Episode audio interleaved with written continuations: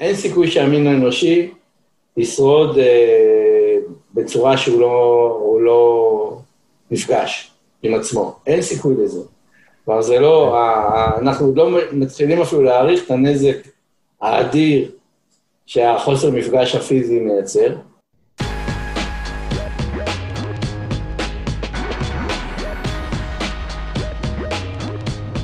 שלום וברוכים הבאים לאורבניסטים, פודקאסט העירוניות והתחבורה שלא רק מעביר לכם איזה שעה מהפקקים, אלא באמת מנסה להבין דרך מגוון מומחים ודעות למה הם קורים ואיך אפשר להוציא אותם מחיינו. הפרק הזה הוא חלק ראשון מתוך שתיים של שיחה עם יואב לרמן, דוקטור, גיאוגרף עירוני, אורבניסט. וכפי שאמר לי ליאור שטיינברג, שהוא מתכנן עירוני צעיר שעובד היום בהולנד, ואיתו אני אהיה השיחה הבאה שאני אפרסם, אז ליאור אמר לי, אם רצית לקרוא ולהבין מה היה לך בישראל, ג'ן ג'ייקובס ויואב לרמן. באמת קשה להפריז בהשפעה שהייתה לבלוג של יואב, עוד בלוג תל אביבי, על אולי דור שלם, והוא עדיין מומלץ לקריאה וכניסה ראשונית לתחום הזה, זה עדיין הכל באינטרנט, אפילו שרוב הפוסטים הם בני יותר מעשור, רובם, הוא עדיין כותב מדי פעם. יואב נראה לי הראשון שלקח רעיונות אורבניסטיים גלובליים שככה התחילו לפרוח באותה תקופה ושם לנו אותם בישראל. הוא הסביר לנו למשל ממש את ה basic של הפרדת שימושים לעומת עירוב שימושים, מה זה איזור, zoning, הוא תיעד את שוק הדיור שהיה רותח באותה תקופה לפני עשור בתל אביב וגם את נזקי הפרבור של ישראל באותה תקופה שהיו על טורבו. כונן על אה, תוכנית תמ"א 35 שלה הוא קרא תוכנית לפרבור ישראל הוא סיפר לנו על חבלי הלידה של שביל האופניים בהפרדה מלאה הראשון בעיר העברית, שזה היה ברחוב בלוך, והשביל הזה אגב הוא כולה פחות מעשר שנים. הוא הסביר, בזמן המחאה החברתית של 2011, שדירות בתל אביב במרכז הן יקרות בין השאר כי מחייבים את היזמים לבנות חניות, דבר שמסבך מאוד את הבנייה והופך אותה ליקרה מאוד. בכלל הוא היה הראשון אולי שהציב את הבעיה שאין היום מי שלא חוקר אותה, איך פותרים את בעיית מצוקת החנייה. ואגב, יכול להיות שיש לו היום דברים מעניינים אה, אחרים להגיד את זה ככה במרחק הזמן. הוא מדבר על זה בשיחה הקרובה. מהדברים הקשים שהוא כתב, שזכורים לי במיוחד, למשל, התכנון הישראלי הוא הומוגני, נטול הקשר ומסוכן לארץ ישראל. על כביש 6 הוא כתב באוגוסט 2007 את המשפטים הבאים, שכנראה יהדהדו לכל אחד בצורה קצת שונה במרחק הזמן. כביש 6 יותר מסוכן מהחמאס. החמאס לא השתלט על שטחים ירוקים במדינת ישראל והרס אותם. כביש 6, כן. החמאס גורם לנו להתאחד. כביש 6 מעודד פרבור וניכור. החמאס הורג ישראלים. כביש 6 הורג את מדינת ישראל. וככה עוד ועוד אה, מוכיח בשער. השיחה הזאת, אני מאמין, באמת מעניינת, כי יואב, בזמן שעבר, הפך להיות מאיש... אה, תיאוריה, אקדמיה, נבואה, איש פרקטיקה. וכיום הוא מעורב בצורה כזאת או אחרת בהמון אה, תכנון אה, בישראל, ועוד שנייה אספר על זה בעצמו. היום הוא מה שנקרא בתוך המערכת, ולכן יש לו גם פרספקטיבה מעניינת, שוב, חדשה. אז הפרק הזה יוקדש ברובו דווקא לבסיס התיאורטי, ואולי אחד הדברים המעניינים בעבודה שלו הוא ההתמקצוע, ההתמקצעות של uh, עבודת מתכנן הערים, ומאיזשהו רעיונות אוטופיסטיים להישענות על מודלים שהם כן כמותיים, הם כן מרחביים, אבל הם, מה שמעניין, לאו דווקא כלכליים. בהקשר הזה הוא ידבר על תרחיב המרחב, Space Syntax, ושיטות לאנליזות של צפיפות עירונית, אה, אנליזה של, אה, רשתות, של רשתות של רחובות. עכשיו כל זה אולי נשמע קשה, אבל אני מאמין שזה באמת פוקח עיניים על מאיפה הבעיות של העיר הישראלית בוקעות, ממש איפה המקור. ומהרבה בחינות גם איפה אה, בוקעות בעיות התחבורה, ממש מאיפה הן צצות. אנחנו מסיימים את החלק הזה עם הקורונה וההשלכה שלה על הערים. נתעמת קצת על התחזיות של שוקי מהפרק הקודם, ונדבר קצת על מפגשים מקריים. אנחנו, שאני אציג את אתה מקליט כבר? כן. יפה. אז אני אה, אה, דוקטור יואב לרמן, שותף מייסד במשרד אה, פלן תכנון עירוני ותחבורתי, ואנחנו עוסקים בניתוח פוטנציאל מרחבי במקומות בהם המורכבות התכנונית היא בינונית גבוהה ומעלה, והחלטות שהממשק בין תחבורה לשימושי קרקע הוא הוא גבוה בהן, אנחנו מומחים בתחבורה רב-אמצעית, אפשר להגיד, כמובן ב space syntax, תחביר המרחב, ועוד שלל נושאים. אנחנו שותפים אה, בין השאר בתוכנית האסטרטגית הלאומית לתנועה מקיימת במרחב העירוני, שמשרד השיכון פרסם לפני שנה. Mm-hmm. אנחנו שותפים בתוכנית האסטרטגית לדרכים לשנת 2050 עבור משרד התחבורה. אנחנו מייעצים אה, כיועצי תשתיות תחבורה למחוז מרכז, לשכת תכנון, ואנחנו גם אה, עושים תוכניות ברמה עירונית, עשינו תוכנית אב לניידות בנתיבות, אנחנו מסיימים עכשיו תוכנית אב לניידות בקריית ים, אה, ועוד כהנה וכהנה פרויקטים אה, מעניינים, הייתי אומר, בעיקר. בכל הארץ, גם בתל אביב, גם, גם מחוץ לתל אביב. כן, ממש לא רק בתל אביב, אפשר להגיד. אה, כן, אני רק אגיד לך שמבחינה נדל"נית, לצורך העניין, מבחינת איפה שצריך תכנון, כן? אז אה, שליש מהפעילות הנדל"נית היא במחוז מרכז, שזה השוליים של תל אביב, כן? אז קח בחשבון ש... כלומר, בכל מקרה, כשאתה עובד בישראל, זה הלב. יש גם הרבה עבודה, מה שנקרא, מחוץ למרכז, לא חסר. אה, בכלל, ישראל צומחת מבחינה... נגיד לפחות מבחינת אוכלוסייה. והיא ממשיכה לעבור שינויים דמוגרפיים שלא מאפיינים אה, מדינות או OECD אחרות. אז במובן הזה, זה מרחב טוב לעבוד בו, ישראל. מעניין. מדינה, מדינה צומחת מבחינת אוכלוסייה, שיש לה משטר, אמנם אנחנו בשולי ה-OECD, אבל זה עדיין בחלק העליון של המדינות בעולם מבחינת אה, יכולת ממשל ותקצוב. אה, ובדרך כלל ברוב המדינות שהן OECD אין צמיחה, אז אין כל כך מה לעשות כמעט. יש כמה רכבות מהירות פה ושם, לא קורה יותר מדי.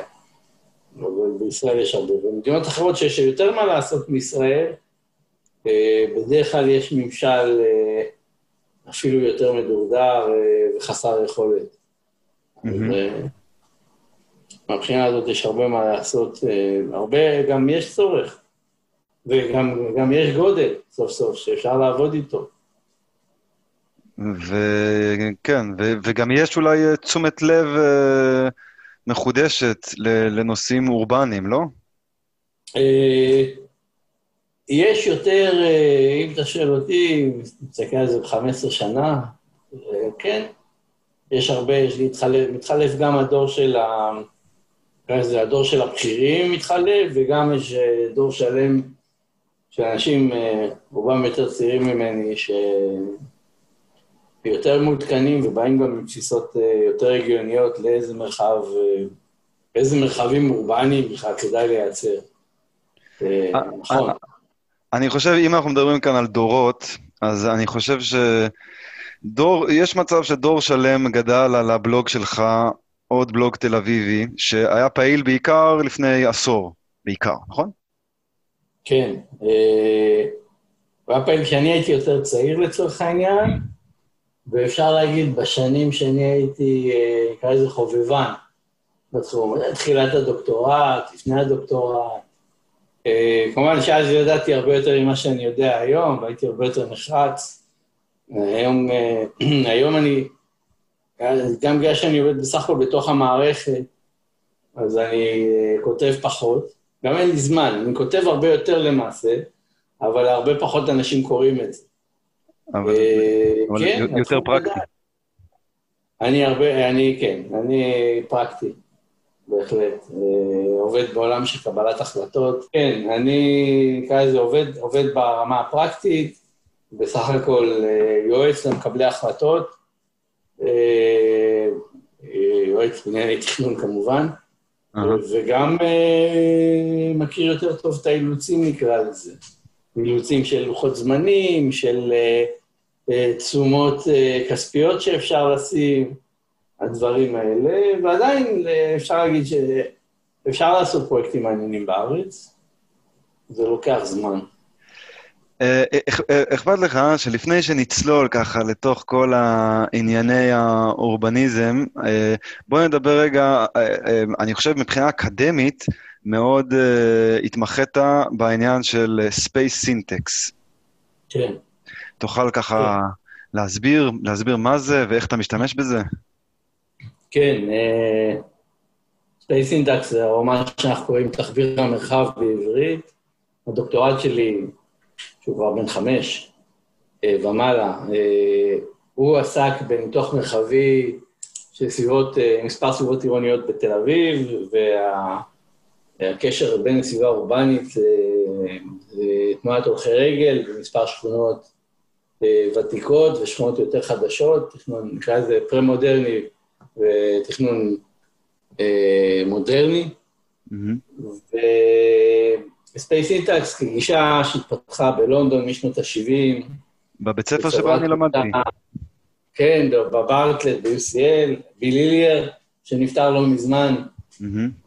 אה, בהחלט, ביל אילייר וחברים. אז אה, משנות ה-70 בעצם פיתחו את הגישה הזאת, שהיא שיטה לניתוח, בבסיסה זה ניתוח גרף, שהגרף הוא המרחב האורבני, עוד לפני זה זה היה בכלל המרחב הארכיטקטוני הפנימי של בניינים, אה, והם אה, גידלו את זה לניתוחים של מרחבים אורבניים. זה צבר תאוצה בשנות ה-90, מבחינת, כשסוף סוף כוח המחשוב אפשר להם לייצר תוכנות אה, שעושות את זה, ולפני עשור בערך, שסוף סוף גם ה-GIS אה, נפתח, ובאמת סוף סוף אפשר לעשות הכל בבית, כל, כל אחד יכול להריץ את הדברים במחשב שלו, וגם הכל עבר, עבר לקוד פתוח, אה, והצטבר מספיק ידע, אז גם זה רץ מבחינת כמות של חברות ייעוץ. כלומר, מעבר לחברת ייעוץ המקורית שעבדה בלונדון, אז יש עוד הרבה חברות ייעוץ אה, בעולם, למרות שהמרכזים הם אין ספק בבריטניה ושוודיה, מבחינת שימוש, וגם בהולנד יש אה, קהילה לא קטנה, אבל התפיסה היום הרבה יותר גלובלית של התחום, משתמשים בו בהרבה מאוד פרויקטים. אה, אנחנו כמובן משתמשים בו בישראל, ואני מקווה שיהיו עוד אנשים שמשתמשים בזה. בגדול הגישה עצמה, באמת זה ניתוח גרף ש, שמצביע על פוטנציאל לדברים שונים בעיר, פוטנציאל לתנועה, פוטנציאל לשימושי קרקע, וזה קצת כמו MRI או רנטגן, אתה מנתח את העיר, מקבל כל מיני מדדים כמותיים, צריך לדעת ממה להתעלם, צריך לדעת מה מעניין, צריך לדעת מה אתה עושה בכלל, כן? כמו שטכנאי רנטגן צריך לדעת שגם ידע מה הוא עשה כדי לדעת מה ההבחנה אה, של הפציינט. אז זה באותה מידה. הכלי הזה, הם יודעים מה עושים איתו, אז הוא פרקטי לתובנות בנושאים של תכנון עירוני ומטרופוליני. אתה משתמש בו בעיקר בשביל לנתח הליכתיות, נכון? במקור זה היה להליכתיות, אפשר להגיד, ויש לי גם מאמר אחד מאוד מצוטט על זה, אני חייב להגיד, mm-hmm. אבל זה ממש לא רק הליכתיות, זה, כלומר, אני אחזור על זה כי היה פה איזה רעש, אבל... אז אני אגיד שבמקור זה היה להליכתיות, אבל זה לא רק. לרשתיות, התחום הזה מאוד התפתח לתנועה רב-אמצעית, כלומר זה גם אופניים, גם מוטורי, וגם אנחנו באופן אישי השקענו המון המון בניתוח של מערכות מטען, כלומר מערכות תחבורה עתירות נוסעים, מסילתיות, גם על זה כבר כתבנו שני מאמרים, אחד על אה, ניתוחים של רכבות קלות, ואחד על ניתוחים של תחנות רכבת כבדה, ש... שבבסיסם כשאתה מבין איזה ניתוח מרחבי צריך לעשות, או איזה ניתוחים מרחביים צריך לעשות. אה, אתה יכול, אה, כל מיני דברים שהם מאוד תיאורטיים ואבסטרקטיים, כלומר, להגיד שחשוב שהתחנה תמוקם במקום הנכון, במרקם האורבני הנכון, זה אה, אמירה מאוד מאוד כללית ופשטנית, וכשאתה מוריד את זה לניתוח מתמטי, נקרא לו קר, ואפילו אפשר להגיד אובייקטיבי, ופוזיטיביסטי כמובן, אז אתה יכול להגיד את הדברים האלה יותר, ביותר נחרצות, ולא רק שאתה יותר נחרץ, יכול להיות גם מבחינת הדיון של קבלת ההחלטות, ששם, ובדרך כלל ככל שההחלטה היא יותר קשה, אז אה, המספרים צריכים לעמוד יותר אה, טוב, ויש יותר הישענות על מודלים ומספרים, במיוחד בהחלטות הקשות. זה נותן לך איזשהו גיבוי להחלטות. אני חושב שהמודלים, אה, זה עוד עולם שאנחנו, באמת, יש כל כך הרבה מודלים שצריכים לקרות, אנחנו עוד מגרדים שם רק את השכבה החיצונית, אבל זה בהחלט, space syntax זו גישה שבהחלט יכולה למדל חלק בלתי מבוטל מהמורכבות העירונית, שברובה היום לא באה לידי ביטוי בקבלת החלטות, כי שוב, ככל שההחלטה יותר קשה, אנחנו בעצם משתנים יותר על מודלים, והמודלים המבוססים, היחידים שיש בתחום שהם מבוססים ונרחבים, זה מודלים של תחבורה מוטורית, שאני אגיד בעדינות, ברובם מבוססים על תפיסות שהתפתחו עוד קודם, בשנים שבהם ראו את הרכב הפרטי כשיא העירוניות והצורך העירוני. Mm-hmm. והיום מאזנים את זה, כלומר, גם המודלים הקלאסיים מתחילים להשתנות, עוד מודלים נוספים, שספייס אינטקס הוא אחד מהם, יש עוד. אבל אין ספק שהגישה הזאת היא בהחלט אה, הולכת ועולה. בוא, ממודל כזה, אני אקח אותך למודל אחר שראיתי, שהוצאת, אני חושב שוב, ביחד עם שותפים, מפות הצל של אה, תל אביב. אה, מפות הצל. קודם כל צריך לתת קרדיט למי שצריך לתת קרדיט. זה גם ניתן קרדיט לשותף שלי, אדריכל יונתן לבניגר. אה, ומי שעובד ספציפית, שהוא שותף בכל, אני חייב להגיד שכל הפרויקטים שאני עושה, הוא שותף בהם, לפעמים הוא עושה, לפעמים אני עושה, לפעמים עושים ביחד, תלוי בפרויקט. ואני חייב להגיד לך גם שהוא למד ב-UCL. אשכרה. את המאסטר שלו, אצל אה, רובי ניקמן. רובי ניקמן, אה, אני גם למדתי איתו. אתה רואה? עולם קטן פה. תחבורה. כן. כן. הוא עשה מאסטר, בפועל הוא עשה מאסטר ב space syntax. אה, גם אני השתמשתי ב space syntax במאסטר שני. בטח רואה. אה, כן, אז אה, זה לגבי יונתן. מי שהוביל את המחקר על הצל זה דוקטור אור אלכסנדרוביץ', ואיתו ביחד אדריכל נוף שחר צור, והעבודה ההיא בוצעה עבור מחלקת השימור של עיריית תל אביב-יפו, ובבסיסה העבודה שילבה שני דברים, שלושה דברים, אפשר להגיד. אחד זה כל הניתוחים של חשיפות סולריות בעונות שונות של השנה, שזה מה שאור הוביל, כדי לדעת איפה יש שמש, כן? Mm-hmm. צריך לעשות ניתוח סולרי, אה, יש שם כלים לזה. Mm-hmm. דבר שני, כל מה שקשור לחופות עצים, הצללות וכימותים של הדברים האלה ששחר הוביל. והדבר השלישי שאנחנו התעסקנו איתו זה איפה באמת חסר צל לא ברמה של איפה אין צל, אלא איפה זה בכלל רלוונטי להולכי רגל. איפה זה יכול להיות רלוונטי להולכי רגל, ואת זה עשינו ניתוחים, עם כמה סוגי ניתוחים של space syntax, וכתוצאה מהעבודה, שחייב להגיד שהיא עבודת מחקר, והיא לא עבודה, מה שנקרא, היא לא עבודה שממנה נגזר ביצוע, mm-hmm. אז הצלחנו לאפיין מספר צמתים, נגיד ב top 10, ועוד עשר רחובות שבהם מבחינה... מבחינת מאמץ כדאי אה, שיהיו המקומות הראשונים למאמץ להצללה, כי שם זה רלוונטי להולכי רגל, בנפח בינוני גבוה, שם הפוטנציאל, כן? הבנתי. אה, היו תובנות שעלו שם במחקר הזה, יש פחות עצים בעיר, יש יותר עצים, איזה סביבות אורבניות למעשה מייצרות הצללה גם בלי הרבה עצים, אה, וכן הלאה וכן הלאה. הנושא עצמו, אני חייב להגיד לך, צל, הוא נמצא לדעתי למקבלי החלטות מול העיניים, אבל שוב, זה עניין של כימות, משאבים, תשומת לב, אה, ויש גם הרבה דברים שמפריעים לזה לקרות שלא קשורים למקבלי ההחלטות באופן ישיר. זהו, זה בדיוק מה שמעניין אותי. למה אתה חושב שאין צל, או לפחות זו התפיסה הרווחת, חסר צל. למה זה? אה, למה חסר? אני לא, אנחנו יודעים שיש מקומות שחסר בהם. ש... מתי חסר צל? ברחוב שאנשים כן משתמשים בו, לצורך העניין.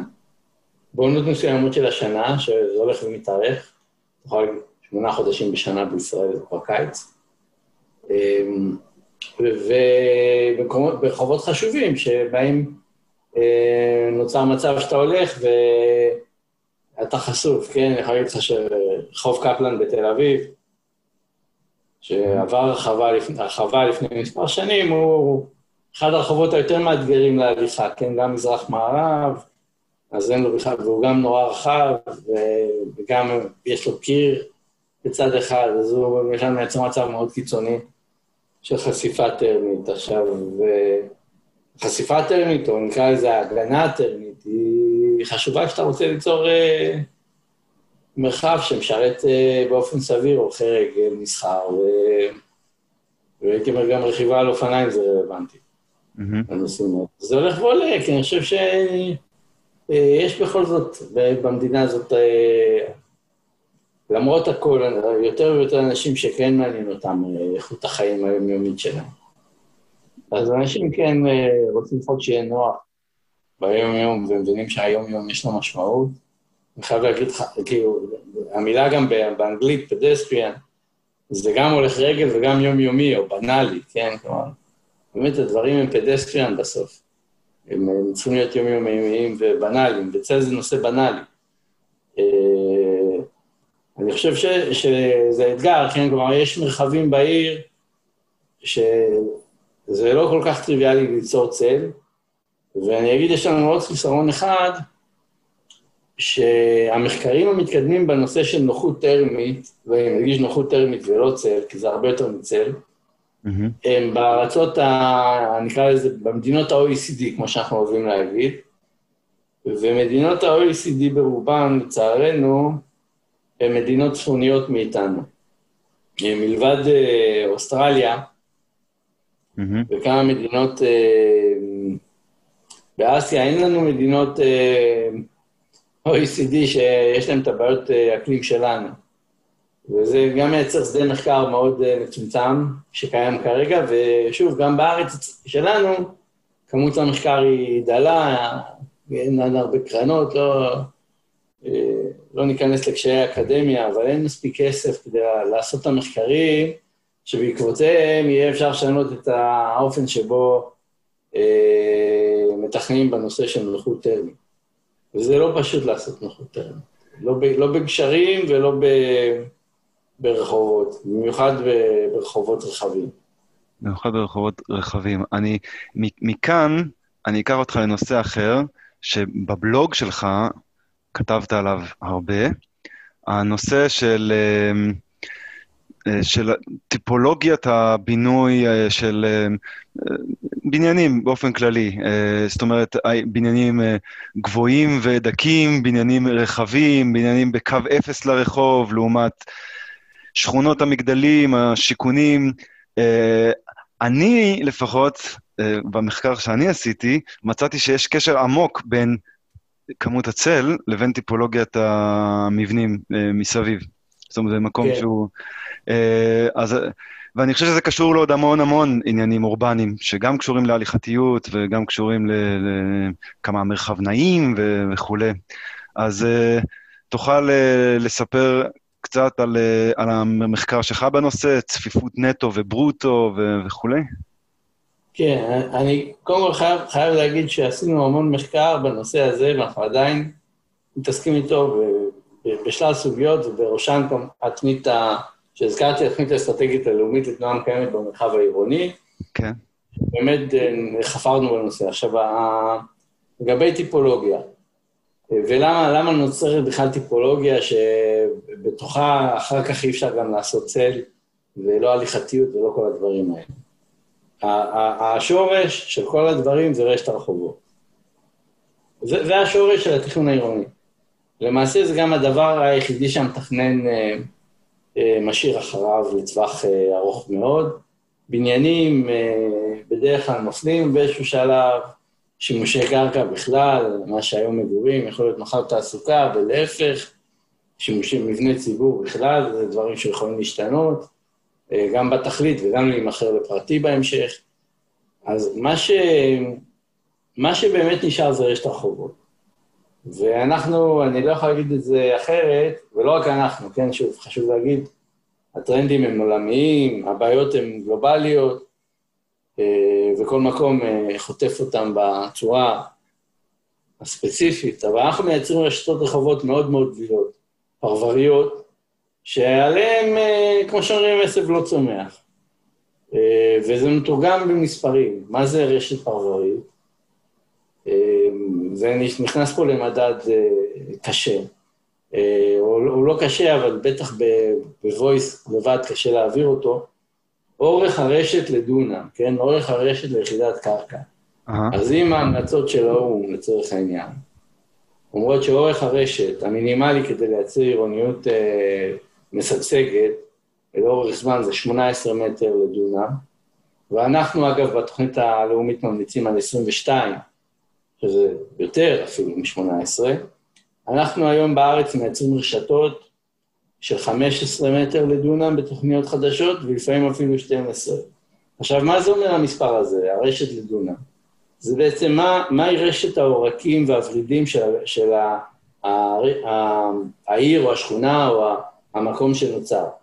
וככל שהרשת גדילה יותר, אז א', הוורידים יהיו גדולים יותר, והעורקים יהיו גדולים יותר, אז הכבישים יהיו יותר אה, רחבים ולא פחות רחבים. ודבר שני, הנגישות הפנימית, במיוחד מה שקריטי להולכי רגל, ובמידה מסוימת לרכיבה על אופניים, תהיה אה, נגישות נמוכה. כלומר, יהיו מעט רחובות ראשיים או גדולים, במקום הרבה רחובות קטנים ובינוניים. עכשיו אני אכנס למשהו יותר פר- פרטני, שחשוב להגיד אותו. כל, ה... כל ה... הערים האורבניות וכל המקומות שהם נוסעים להסתובב בהם וללכת ברגל ו whatever, או אנשים ש... ואין הרבה כאלה כבר. מבחינת שטח, שטח זה מעט שטח, המקומות האורבניים, גם בארץ וגם בעולם. אה, המקומות האורבניים האמיתיים. אז הם בנויים בפועל על רשת רחובות מאוד מאוד צפופה, שבימינו זה בדרך כלל רחובות חד-סטריים, אה, וכמה רחובות בינוניים. כן, גם אם אתה מסתכל, הדוגמה הקלאסית של ישראל כמו תל אביב. אז אה, תל אביב שאנשים מסתובבים בה, אז זה הרבה רחובות חד-סטריים. ויש כמה רחובות ראשיים, כמו אלנבי, כמו איבן גבירות. חד-סטריים ל- ל- לתנועה. מוטורית. כן. כן, חד-סטריים הכוונה לתנועה מוטורית, שגם אוטובוסים לא נוסעים בהם. הרבה הרבה מאוד רחובות בחתך של 6, 8, 10, 12, 14. ועוד כמה שהם 20, 24, 28, כן? אבל הם מעט הגדולים. ו... וזה ככה גם בנוי במקומות האחרים. גם הרשת של פריז, היא הרבה יותר צפופה, וגם הרשת של ניו יורק זה חד-סטרי, קצת יותר רחבים. הם, ו, וכן הלאה וכן הלאה, כלומר גם הרשת של ירושלים כמובן, וגם הרשת של חיפה ההיסטורית, מהמם. וזה רוב הרשתות האורבניות, ככה הן נראות. עכשיו, אנחנו היום לא מסוגלים לייצר את זה, אנחנו היום אה, בהנחיות, ההמלצה, ש- שבעיניי היא מייצרת חלק מהבעיות, ההמלצה היא ללכת רק לרחובות דו-סטריים, שמתחילים ב-16 מטר, כן? כלומר, אין, אין רשת אורבנית קונקרטית שאתה יכול לייצר בהנחיות כאלה, שתגדל להיות רשת אה, אה, של עירוניות אה, משגשגת, נקרא לזה. כי אתה מוגבל... אתה אומר, זה שורש הבעיה. אתה מוגבל בפלטה של האפשרויות. זה, תחשוב שכמו צייר, אתה עובד, מחקו לך חצי מהצבעים, אז אתה בהחלט מאותגר. אה, כן, זה, זה חלק מהבעיה, וצריך להבין שהרשת רחובות בתכנון זה לב התכנון. זה מה- לב- מה הסיבה שההנחיה היא כזאת? למה- למה המדינה רוצה שתעשה רשת רחובות מאוד אה, דלילה? יש, יש הרבה גורמים. שוב, זה לא גורם אחד. אחת הסיבות לא להכניס חד-סטריות זה כי מעדיפים מה שנקרא לא להכניס סטריות בתב״ע, כמו שאומרים, במינוח המקצועי. שלא בתוכנית בניין עיר, שהיא תוכנית שמכוחה לא, עוד, עוד לא מוצאים היתרים, כבר קובעים את הסטריות בעצם, הסדרי תנועה אה, די מקבילים, לא אוהבים את זה. אז משאירים דו-סטרי. ברגע שאתה משאיר דו-סטרי, אתה צריך רוחב די משמעותי. אה, לטובת העניין, ואתה בעצם לא מייצר רחובות צרים. אה, זה אחת הסיבות. עכשיו, זה גם לא חוק, זה הנחיות, כלומר, אם יש לך מספיק כוח לריב על זה, ואתה מספיק נחרץ, אנחנו דחפנו במקומות מסוימים רחובות חד-סטריים, כן? עם כל ה... זה שהמערכת לא, לא אוהבת את זה, אבל אין, אין מספיק הערכה, נקרא לזה, לחשיבות של הרחובות הצרים. בלי רחובות צרים, אין רחובות אה, חשובים, אני אגיד ככה. כלומר, על מה בנוי לצורך העניין הרחוב, אולי הרחוב הכי טוב בארץ, הוא אחד מהם, הוא אולי, אולי לא הכי טוב, אבל הוא בטח... בא לי- לנחש. נו, דיזינגוף? כן, דיזינגוף. אוקיי. זה כי אני גר ליד דיזינגוף, אבל הייתי גם יכול להגיד דרך יפו בירושלים. באנו okay. אוקיי. אותו עיקרון. שהוא לדעתי הרחוב הכי יפה בארץ, אני חייב להגיד. אה, ביפו בירושלים. 18 אה, מטר, אגב, חתך, עשו דרך. אגב, אתה חיפאי במקור, נכון? כן, אני חיפאי. גם אני. טוב מאוד. אוקיי, אז...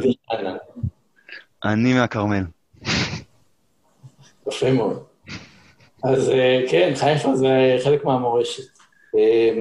כן, חיפה זה... אה, אז לגבי הרשת, אותה רשת חד-סטרית, זה מה שחשוב לציין. דיזנגוף, הוא קורה רק בגלל כל הרחובות החד-סטריים שפוגשים אותו. הוא לא יכול להיות דיזנגוף בלי רחוב שץ, ובלי אה, רחוב גורדון, שהוא חד-סטרי, קטן, ובלי עוד אה, מאה רחובות כאלה, עם זולה, לא עם זולה, לא זוכר את השם של הרחוב שם, שפונים, יש מאה רחובות כאלה, לא מאה, ארבעים ומשהו רחובות שפוגשים את דיזנגוף, רובם רחובות קטנים וחד-סטריים, מיעוטם כמו שדרות בן גוריון או ארלוזרוב, כן? עכשיו, אתה לא יכול לייצר את כל החלק התחתון הזה של הרשת, אתה לא תצליח לייצר את דיזנגוף ולא את אה, דרך יפו, ולא, אה, ולא את רחוב ויצמן בכפר סבא, ולא את רחוב אחוזה ברעננה, ולא את כל הרחובות האלה, שרובם בנויים על, על בסיס של רשת רחובות חד-סטרי, צרים. Mm-hmm.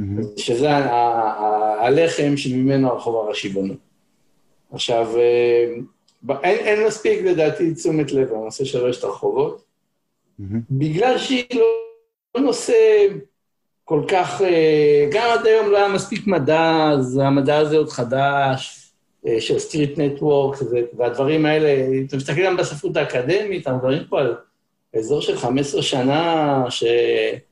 אה, יותר, אבל ב-15 שנה האחרונות שבאמת התחום מתפוצץ, אז זה לוקח לזה זמן עד שהמערכת מבינה בעצם שהרשת זה הלב של התכנון, ויש נושאים אחרים שברמה הפרקטית הרבה יותר משפיעים על, על הגופים שמקבלים החלטות, כן? כלומר, אם, אם אנחנו מדברים על הנושא שבפועל מבזבזים עליו הכי הרבה זמן אה, בדיונים, זה חנייה, כן? או הנושא הכי מפריע, למה הוא חשוב? הוא חשוב פוליטית לראשי ערים, הוא לא, הוא לא נושא חשוב, והוא חשוב ליזמים גם, אבל הוא לא נושא שבגללו קורית עיר, הוא למעשה נושא שקצת מפריע לעיר לקרות. אבל עליו מקדישים הרבה מאוד תשומת לב, אם יהיה עוד קומת חניה, לא תהיה קומת חניה. אה, זה כמובן גם תשומות כספיות של תכנון, זה לא, זה לא נגמר.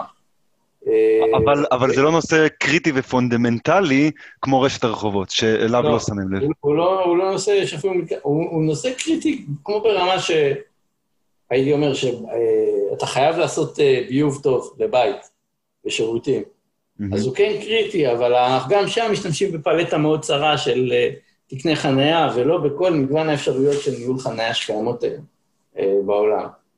אז אנחנו גם שם מבזבזים את הפוטנציאל, אבל אנחנו בפירוש, אה, ככל שאנחנו דנים בנושא כזה, אנחנו דנים פחות ברשת. והנושא השני, שיצירה של רשת רחובות, ואני מדבר פה בעיקר על תוכניות גדולות, שהן תוכניות בקרקעות מדינה, שבדרך כלל היזם זה רמ"י או גוף, גוף ציבורי אחר, mm-hmm.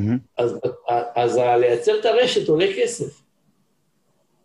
כלומר, לייצר 22 מטר לדונם רחובות, זה יותר יקר מ-15. Mm-hmm. גם אם ברוחב זה יהיה אותו רוחב, בסוף זה יותר יקר. זה גם לא מתאים, זה גם לא מתאים למה שהם בדרך כלל מתכננים, אם אתה מסתכל על שכונות כאלה של רבי קומות גדולים, אה, זה לא שכונות שבנויות לרשת רחובות. אה, חייבים להגיד עוד סיבה שזה קורה, וזו סיבה כן ישראלית, חייבים להגיד, פחות נפוצה בעולם.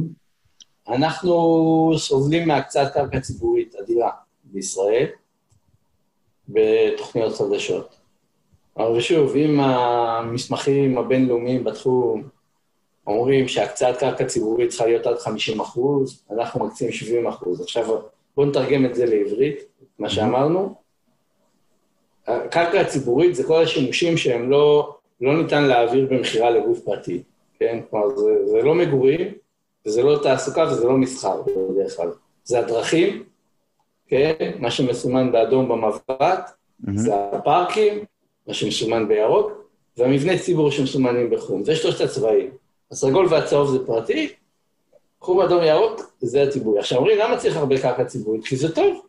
זה טוב שיהיה הרבה פארקים, וגדולים גם, ושיהיה הרבה מבני ציבור, או קרקע למבני ציבור, שלא יחסר. גם ממילא אנחנו בונים מבנה ציבור ב, של קומה אחת במקום לבנות של שש, אז הם צריכים הרבה, הם צריכים הרבה ככה, וגם ערימה של גדרות מסביבם.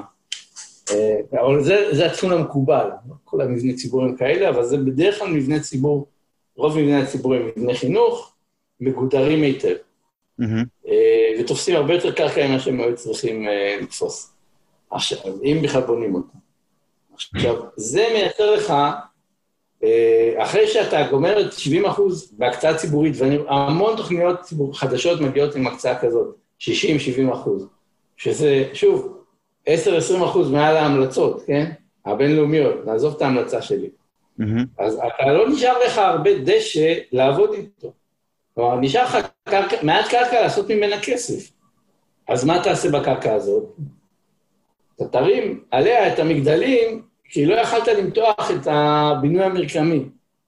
אה, גם מגדלים זה גם אופנה, אבל לא נשאר לך ממילא עם מה לעבוד. כלומר, כשאתה מגיע כבר לתכנון, רק ההקצאה הציבורית והאופן שבו אתה צריך לעשות רחובות, כמו שאמרנו, הם אה, מתחילים במקרה הטוב ב-15 מטר, הכי קטנים, לא נשאר לך עם מה לעבוד. זה, זה בעצם מראים לך את המגדלים. כן, ובגלל זה גם כל התוכניות דומות וכל הדברים האלה. אפשר גם להגיד שהשכר טרחה, שהאדריכלים שעושים טבעות מקבלים, באמת, עם זה קשה מאוד לייצר תוכניות שיקבלו את התשומות הראויות, היה עדיף לשלם יותר על תכנון, והיה מייצר תכנון יותר טוב, אבל הכללי משחק הם מאוד מאוד uh, בעייתיים. אז כלומר, זה לא שיש איזה גורם אחד שאחר להגיד, אה, רק נחליף פה איזה פקיד, או נחליף איזה שר, והכל ישתנה, ממש לא. זה, זה הרבה מאוד תקנים שגם לא כל, גם יושבים במשרדים שונים, וגם הרבה אינרציה תכנונית. אמ, ושוב, גם בגלל האופן שבו השכר הטרחה עובד בארץ, אז המטרה העיקרית, הייתי אומר, של האדריכל, היא להעביר את התוכנית. כי אחרת הוא לא רואה כסף. גם, אז זה, בכלל מייצר בעיה. ואז עושים תוכניות שיודעות לעבור ועדה, אבל הן לא, הן לא בהכרח תוכניות שרלוונטיות ל... לעירוב שימושים, תחבורה ציבורית, הליכתיות, כל הדברים, כל הסיסמאות האלה. אה, עוד, זה, עוד... זה מה שאנחנו, שאנחנו רואים. Uh, עוד, עוד משהו ש, שתמיד הייתי קורא אצלך, היה קשור לדרך שבה מודדים uh, צפיפות, עם איך שתמ"א 35 uh, מודדת צפיפות. Um, אתה זוכר מה אני מדבר? כן, כן. אני, אני היה, ועדיין מקובל. Uh-huh. Uh, ואני חייב להגיד שצפיפות, צפיפות אורבנית, נושא, אני חייב להגיד שהייתי יותר צעיר, אני ידעתי הכל, עכשיו אני יודע הרבה פחות. כי קראתי קצת. הצפיפות אורבנית ומדידה של צפיפות אורבנית, נושא מאוד מאוד מסובך, אה, מורכב ולא אחיד בעולם. זה שורש הבעיה, וגם אין best practice אחד, אתה רואה, וואלה, ככה כולם עובדים וככה צריך לעבוד, באמת נושא מסובך. אז היה מקובל עד לא מזמן, אה, זו הייתה בעצם האופציה היחידה, שספרו פה צפיפות נטו. מה זה צפיפות נטו? שהיא באמת פרמטר שאני חייב להגיד שהוא שגוי, אה, הוא כמעט לא נותן לך, הוא נותן לך מעט מאוד מידע כשאתה יודע את המספר. מה זה סביבות נטו? לוקחים את כל השטח שמיועד למגורים, ורק את השטח שמיועד למגורים מתוך תוכנית מסוימת, mm-hmm. ועליו מודדים מה צפיפות יחידות הדיור. אז אם בנית, לצורך העניין, או תכננת, עזוב לבנות, אלף יחידות דיור על 100 דונם, אז אתה בצפיפות 10. לא יודע אם הרבה או מעט, צפיפות 10 נטו. אבל אם השטח המקורי שהיה לך היה אלף דונם ועבדת רק על מאה דונם, כי כל השאר הם בהקצאות אחרות, אז בפועל אתה עובד על עשר אחוז מהשטח, אז תחלק עוד בעשר, תגיע לאחד. אה, כן, אז זה הצפיפות אה, נטו. הברוטו אומר בוא נמדוד על כל השטח, ואני חייב להגיד שתמ"א 35, התוכנית מתאר ארצית לתכנון משולב, אני לא זוכר את כל השם, עברה עדכון לא מזמן, ועושים הרבה יותר שימוש בברוטו. אגב, ברמת הברוטו, בישראל אנחנו בונים בערך בצפיפות של בין שלוש לשש יחידות ברוטו לדונם. נמוך מאוד. זה, שש נגיד זה בינוני, שלוש מאוד נמוך. בואי נגיד ככה, בשלוש אני לא בטוח שצריך הרבה לתכנן, כי אפשר לעשות את זה עם וילות, לצורך העניין. כן. ולא צריך להשקיע מאמץ בתכנון, אתה יכול לעשות את זה עם וילות, זה נורא קל, וגם הרבה, אגב, בעיניי, למה לא? תעשה את זה בווילות. אנשים מאוד אוהבים, יקבלו את עצמות קרקע הלא גדול שלהם בהכרח, וגם המאמץ התכנוני לא מאוד גבוה. אה, אבל אתה יכול להגיע לשלוש עם וילות. אה, שש, אה, שש, עכשיו שש נובע מכל הבעיות האחרות של ההקצאה והרחובות והזה והזה, מגיעים לשש. ו... אבל תגיד, זה, זה לא קשור ל... כשאתה מדבר על המדידות האלה של צפיפות ברוטו, אתה מדבר על שכונה, נגיד, או איזשהו אזור. בדרך כלל קו כחול של תכנון, כן. כן, בסדר, כי נגיד, נהוג להגיד שבני ברק וגבעתיים אלה ערים מאוד מאוד כן, צפופות. אני אגיד לך משהו, בני ברק, הצפיפות הגבוהה שלהם נובעת ממספר גדול של נפשות למשק בית, כן? זה לא צפיפות תכנונית, אם אתה שואל אותי, זה דוחק, זה משהו אחר. זה צפיפות גבוהה של אנשים לשטח, נכון, אבל אה, מבחינה בניין, מבנית, בני ברק וגבעתיים לא שונות בכמות השטח הבנוי לקרקע. אגב, הם כן מהגבוהים בישראל, רק שיהיה ברור, כן? בפרמטרים האלה. עכשיו, אני אגיד לך מה המדד שהעולם הולך אליו, ולפחות אנחנו משתמשים פה, פה בארץ גם. המדד הנקי לתכנון, אם אתה שואל אותי, והוא הולך ותופס תאוצה בעולם, זה מדד של מטראז' בנוי לקרקע. שהוא בכלל לא, הוא כבר עוזב את העניין של שימושי קרקע, כי שימושי קרקע, כמו שאמרנו, זה ממילא משתנה עם השנים, ובכלל, זה משהו יחסית דינמי, הרבה יותר ממה שחושבים. אה, בטח בין אה, תב"ע להיתר, עוד יכול להשתנות שימושי קרקע. אז עובדים על, אה, כן, מלונאות יכולה להפוך למגורים, גולים יכולים להפוך למלון, יש, זה, זה קורה כל הזמן. אז המדד האמיתי זה כמה מטר קרקע, כמה מטר בנוי לקרקע. אז לצורך העניין יש לך דונם, שזה אלף מטר רבוע, ואתה בונה אלף מטר רבוע, אתה במדד של אחד, כן? Mm-hmm. או אלף, אלף מטר רבוע לדונם. ואני יכול להגיד לך שאזורים אורבניים אה, בינוניים בצפיפותם מתחילים באזור האלפיים. אלפיים מטר אה, רבוע בנוי לדונם. זה אזורים אורבניים לא רעים באירופה, אה, וזה מגיע גם עד 3,000, 4,000 ו-5,000, ש-5,000 זה עומס מאוד מאוד גבוה, זה הסוג בינוי של ברצלונה מגיע לשם. זה באירופה, באסיה גם מגיעים ל-10,000 בהונג קונג, אבל לדעתי זה בינוי שהוא לא רלוונטי בכלל לישראל. אבל בואי נגיד לך שאם אנחנו נבנה ב-2500-3000 באזורים הרלוונטיים, נגיע למצב טוב. אבל קודם כל שנתחיל להשתמש במדד הזה בצורה רחבה. ולדעתי הוא מדד מצוין, אה, באמת במסמכי תכנון מורכבים בעולם משתמשים בו, כי הוא... במדד כזה אתה, אתה תבטא למשל ששכונת מגדלים היא לאו דווקא באמת צפופה. לא, מה שמעניין אותי זה כמה מטראז' אני בונה. ממש, זה הדבר היחיד שמעניין אותי. כמה מטראז' בונה אני מייצר.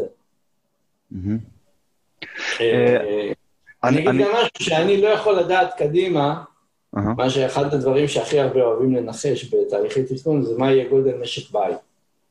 כדי לדעת מה תהיה הצפיפות כשהתוכניות ייבנו.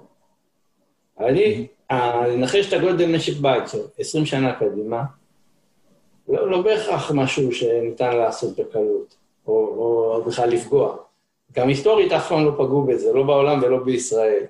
כן, התרבות משתנה, בישראל אנחנו משום מה בגדילה, בשאר העולם אנחנו בצמיחה בתחום הזה. יש אוכלוסיות בישראל אה, שמשקי בית יורדים, למשל אצל הערבים משקי הבית יורדים ב-20 שנה האחרונות. כן, כן. אבל אז, הדברים הזה מאוד לא אחידים, אתה גם לא תמיד יודע איזה אוכלוסייה תתאכלס בסוף היום, גם אם אתה חושב שאתה שולט בזה. Mm-hmm. אז אני חושב שזה מדד, שוב, שאתה מכניס את עצמך ליותר מדי רעשים, והשאיפה היא להפחית רעש בתכנון, להיות מדויק. אה, אז זה לגבי צפיפות. אה, אני חושב שאנחנו מתקדמים. לאט לאט אנחנו נעבור למדד הזה. זה מדד קל, פשוט לחלק את המטראז' הבנוי בשטח. באמת מדד קל. יש לי שאלה, שאני באופן עקרוני רוצה לעבור לדבר על תחבורה ציבורית, אבל לפני זה בוער לי שאלה אחרת. דיברת כאן על שימושי קרקע משתנים, למשל ציינת משרדים הופכים למגורים. קורונה, מה אתה חושב שהשפעת הקורונה המיידית, ואולי גם מה אתה חושב על תחזיות שאנחנו כן מתחילים לשמוע על השפעות הקורונה ארוכות הטווח על ערים ותכנון עירוני. אני אגיד אה, שאין ספק שהנושא של הקורונה צריך לקבל עוד תשומות, אה, תשומת לב תכנונית. אה, הוא, הוא לא כל כך מהר עובר, נגיד ככה, ויש סיכוי שהוא ישאיר שרידים גם, גם במידה ויצומצם בעתיד, ההשלכות שלו. שאנחנו גם את זה לא יודעים, אם זה יצומצם. אני, קודם כל, מה שכבר רואים בשטח, זה הכניס את תעשיית הנדל"ן לחוסר ודאות, ושוב, לא רק בארץ, הנושאים האלה בכל העולם מייצרים בעיה. אזורים שהם אה, אזורי תעסוקה משרדיים, שזה בעצם האזורים הכי נגישים במטרופולין, בדרך כלל, שבהם מטבע הדברים התרכזו המשרדים, והרבה מגדלי משרדים חטפו הכי קשה את הפגיעה, גם נדל"נית וגם בפרקטיקה, אם 50% לא מגיעים לעבודה במשרד, אז גם המסעדות של האזורים משרדיים וכל הדברים שהם אה, דועכים יותר מהר ממה שקורה באזורים מגורים. אפילו אני, בלונדון אני רואה שאזורי המגורים, חלקם מסתדרים יפה מאוד כי הם יודעים להתאים את עצמם. ה-City of London, שזה כמעט רק משרדים, במצב מאוד קשה. כן, ה-City of London ודאונטאון מנהטן, וגם אזור השלום בתל אביב, ואזור הבורסה ברמת גן. Mm-hmm. זה אזורים שאכלו אותה בענק, כרגע לפחות. למרות שזה האזורים הכי, שהיו הכי בפיק לפני, בפועל גם, נגיד ככה, כמי ששוכר משרד בעצמו, אז מגורים נורא קשה לעבור בדרך כלל. משפחה, מערכת חינוך, רגילים. אה, משרדים, היכולת להגיב של השוכרים היא הרבה יותר מהירה. כלומר, במיוחד שוכרים של משרדים גדולים כמו החברות הייטק, שהסכום שהן משלמות על משרד ריק הוא פסיכי, אז הן חותכות הרבה יותר מהר. מה שלעובד, כמובן, כבעיה פרטי אתה לא יכול לקבל החלטות כאלה, שאני עכשיו לא גר בשום מקום, אבל, אבל חברה יכולה להחליט, אני לא נמצאת בשום מקום יותר, בעצם רק במחשבים של העובדים ובענן. אה, אז אנחנו רואים את זה. עכשיו, מה שלפחות האנשים שמנסים להרחיק ראות בנושא הזה ורואים קדימה, לפחות מה שאני מבין, מה הם חושבים ומה אני חושב גם בעצמי, אז קודם כל, ברמה האנושית, אנחנו לא... אה, אין סיכוי שהמין האנושי ישרוד אה, בצורה שהוא לא, לא נפגש עם עצמו. אין סיכוי לזה. כלומר, זה לא... אנחנו לא מתחילים אפילו להעריך את הנזק האדיר שהחוסר מפגש הפיזי מייצר. לכאורה נראה שאפשר לעבוד בלי מפגשים פיזיים, רק עם הזמנות וענן מהבית על הלפטופ, לא עובד בפועל. אנחנו עוד לא, אתם עוד לא יודעים כמה נזק, גם כלכלי וגם חברתי נוצר פה. כלכלי ברמה של אה, מפגשים לא פורמליים, לא מתקיימים כרגע. מה שפעם היה, היית בא לישיבה, אם היית מקדים, היית תופס מישהו, מדבר אחרי הישיבה, מחליף כרטיס ביקור, מייצר עוד איזה נושא נוסף לשיחה בעתיד, מראים פרויקט אולי, זה לא יכול לקרות בזום. אני חושב שיש חלק מהמשרדים שמנסים בצורה קצת אה, מעוררת אה, רחמים, וזה לא עובד. הנושא הזה של המפגשים הלא פורמליים, בין אנשים שעוסקים בתחומים דומים, לא קורה. אין כנסים בינלאומיים, אני... למרות שכנסים זה, בסך הכל באמת, כל המטרה שלהם זה מפגש חברתי, עצם זה שהם לא קורים, הנזק האדיר בכלכלה עוד לא... קשה עוד להבין איזה נזק זה מייצר, הנושאים האלה, אנחנו לא, לא מתקרבים לזה אפילו. אבל... אה, מעבר להשלכות החברתיות והפסיכולוגיות. Mm-hmm. עכשיו, עכשיו, אני חושב שבפועל אנחנו, אני מדבר פה על האנושות בכלל, לא רק עלינו כישראלים או משהו כזה, יש כמיהה אדירה למפגש פיזי ולחוויות. ואני חושב שלכאורה בעתיד שהדברים יתאפשרו שוב, לחזור לאיזשהו נורמלי, נקרא New Normal, אז המשמעות של הרחובות החשובים היא לא, היא לא תתמתן, היא תעלה. החשיבות של המרחב הפיזי, ובעיקר כל ה-experience. יכול להיות שאנחנו לא נקנה בגדים ברחוב, או לפחות לא באותה מידה שקנינו בעבר, כי התרגלנו ליותר רכישות ברשת, אבל דברים אחרים של אקספיריאנס, הסתובבות, מפגש פיזי ואכילה בחוץ, חשוב להדגיש. אני חושב שאנחנו רק מתחילים להעריך את זה, וזה דברים שכן יקרו. מבחינה נדל"נית, בפרקטיקה, מה שאני רואה שחברות ייזום עושות זה משרדים, או מקומות שתוכננו כ-90% משרדים, אז מתחילים אולי לחשוב, רגע, נעשה את זה 30% משרדים, 50% בכלל שימוש. זה. נכניס, כן, אתה רואה את זה קורה, ההחלטות האלה מתקבלות. בפרויקטים מאוד גדולים גם. אז uh, כנראה שנלך לשם. אני לא מאמין שיהיה אפשר להמיר שטחי מגורים במשרדים, או עוד יותר גרוע, להפך, להחליט שאזור משרדים מסוים הופך לאזור מגורים. זה דורש התייחסות אחרת למרחב ולמבנה חינוך ווואטאבר. כן, זה לא כל מבנים שונה, כן, האדריכלות שלהם. בדיוק, האדריכלות, זה לא... אבל תשמע, אני דיברתי אה, לפני אה, שבועיים עם אה, שוקי כהן, כלכלן, חוקר תחבורה. הוא דיבר איתי בהקשר של המטרו, אבל דיברנו אז על הקורונה ועל העבודה מהבית. הוא קצת דיבר במונחים של זהו, סוף, ה, סוף הערים. סוף הערים, אין, אין אגלומריזציה יותר, אמ, אה, לא, אף אחד לא צריך יותר לנייד את הגוף שלו, רק את הידע שלו, הכל נגמר. אתה, אתה, אתה חושב שיש בזה משהו? אני מכיר, אני מכיר את הטיעונים האלה, אני חושב, שאני חושב 180 מעלות. ברמה הפיזית, אני חושב ש... תראה, עוד, עוד אין מחקרים על איזה פגיעה בתוצר הקורונה גרמה, כן? לצורך העניין. וגם כשיתחילו לכמת וידעו בדיוק כמה תוצר אה, הפסדנו, mm-hmm. יהיה קשה לנתק את ההשפעות של האגלומרציה מההשפעות של אה, חרדות, מההשפעות של דברים אחרים שהקורונה הזאת יצרה. קשה יהיה להגיד אה, כמה זה נפגע. אני מסתכל היסטורית, למה הבנקים בכל העולם יושבים את זה אחד מול השני, ולמה החברות הייטק, חבל על שני התחומים האלה של הידע, אבל לא, הם לא היחידים, מתעקשות לשבת אחת ליד השנייה, בהרבה מאוד אה, מקומות. לא במקום אחד, אבל בהרבה מקומות. אה, והנושא הזה לא, לא זה, ואני מסתכל על כל, שוב, על כל מה שקורה מבחינה לא פורמלית.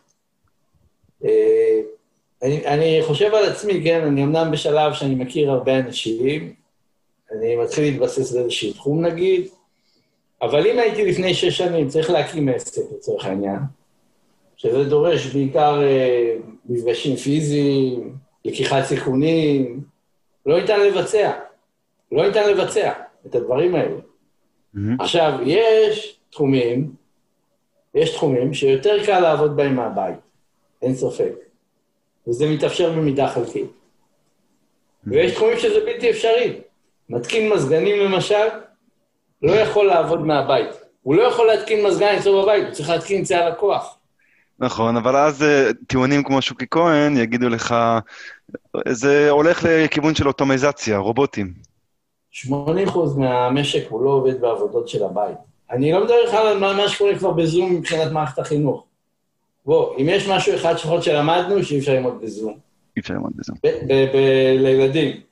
מבוגרים, יכול להיות משחק אחר, למרות שאם אתה שואל אותי, כמי שעשה קורס אחד בזום, אה, זה ממש אה, חוויה מרדדת, גם כמי שמרצה בזום, בהחלט אין את כל העניין של פרפורמנס מול כיתה, ולא עובד בכלל, mm-hmm.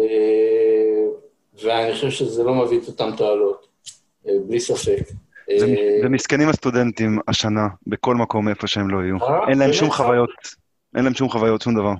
ממש ככה, אני חושב שבלי העולם הפיזי אין משמעות לשאר הדברים. כלומר, הקיום הווירטואלי, ככל שהוא אה, בהחלט אה, מעביר חלק אה, משמעותי מהחיים שלנו, הוא לא עומד, הוא לא עומד בפני עצמו, פשוט לא.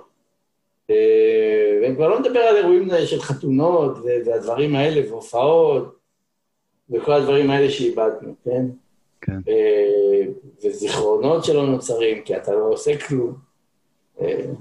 מין קיום הפרפר כזה בזום, אבל בפועל אני לא חושב שזה נעלם. כלומר, גם לא הצורך האנושי, וגם ברמה הבסיסית של יצירת פרויקטים. אתה מסתכל על דברים חדשים שנוצרים, כן? כמה אי אפשר ליצור בלי מפגש פיזי.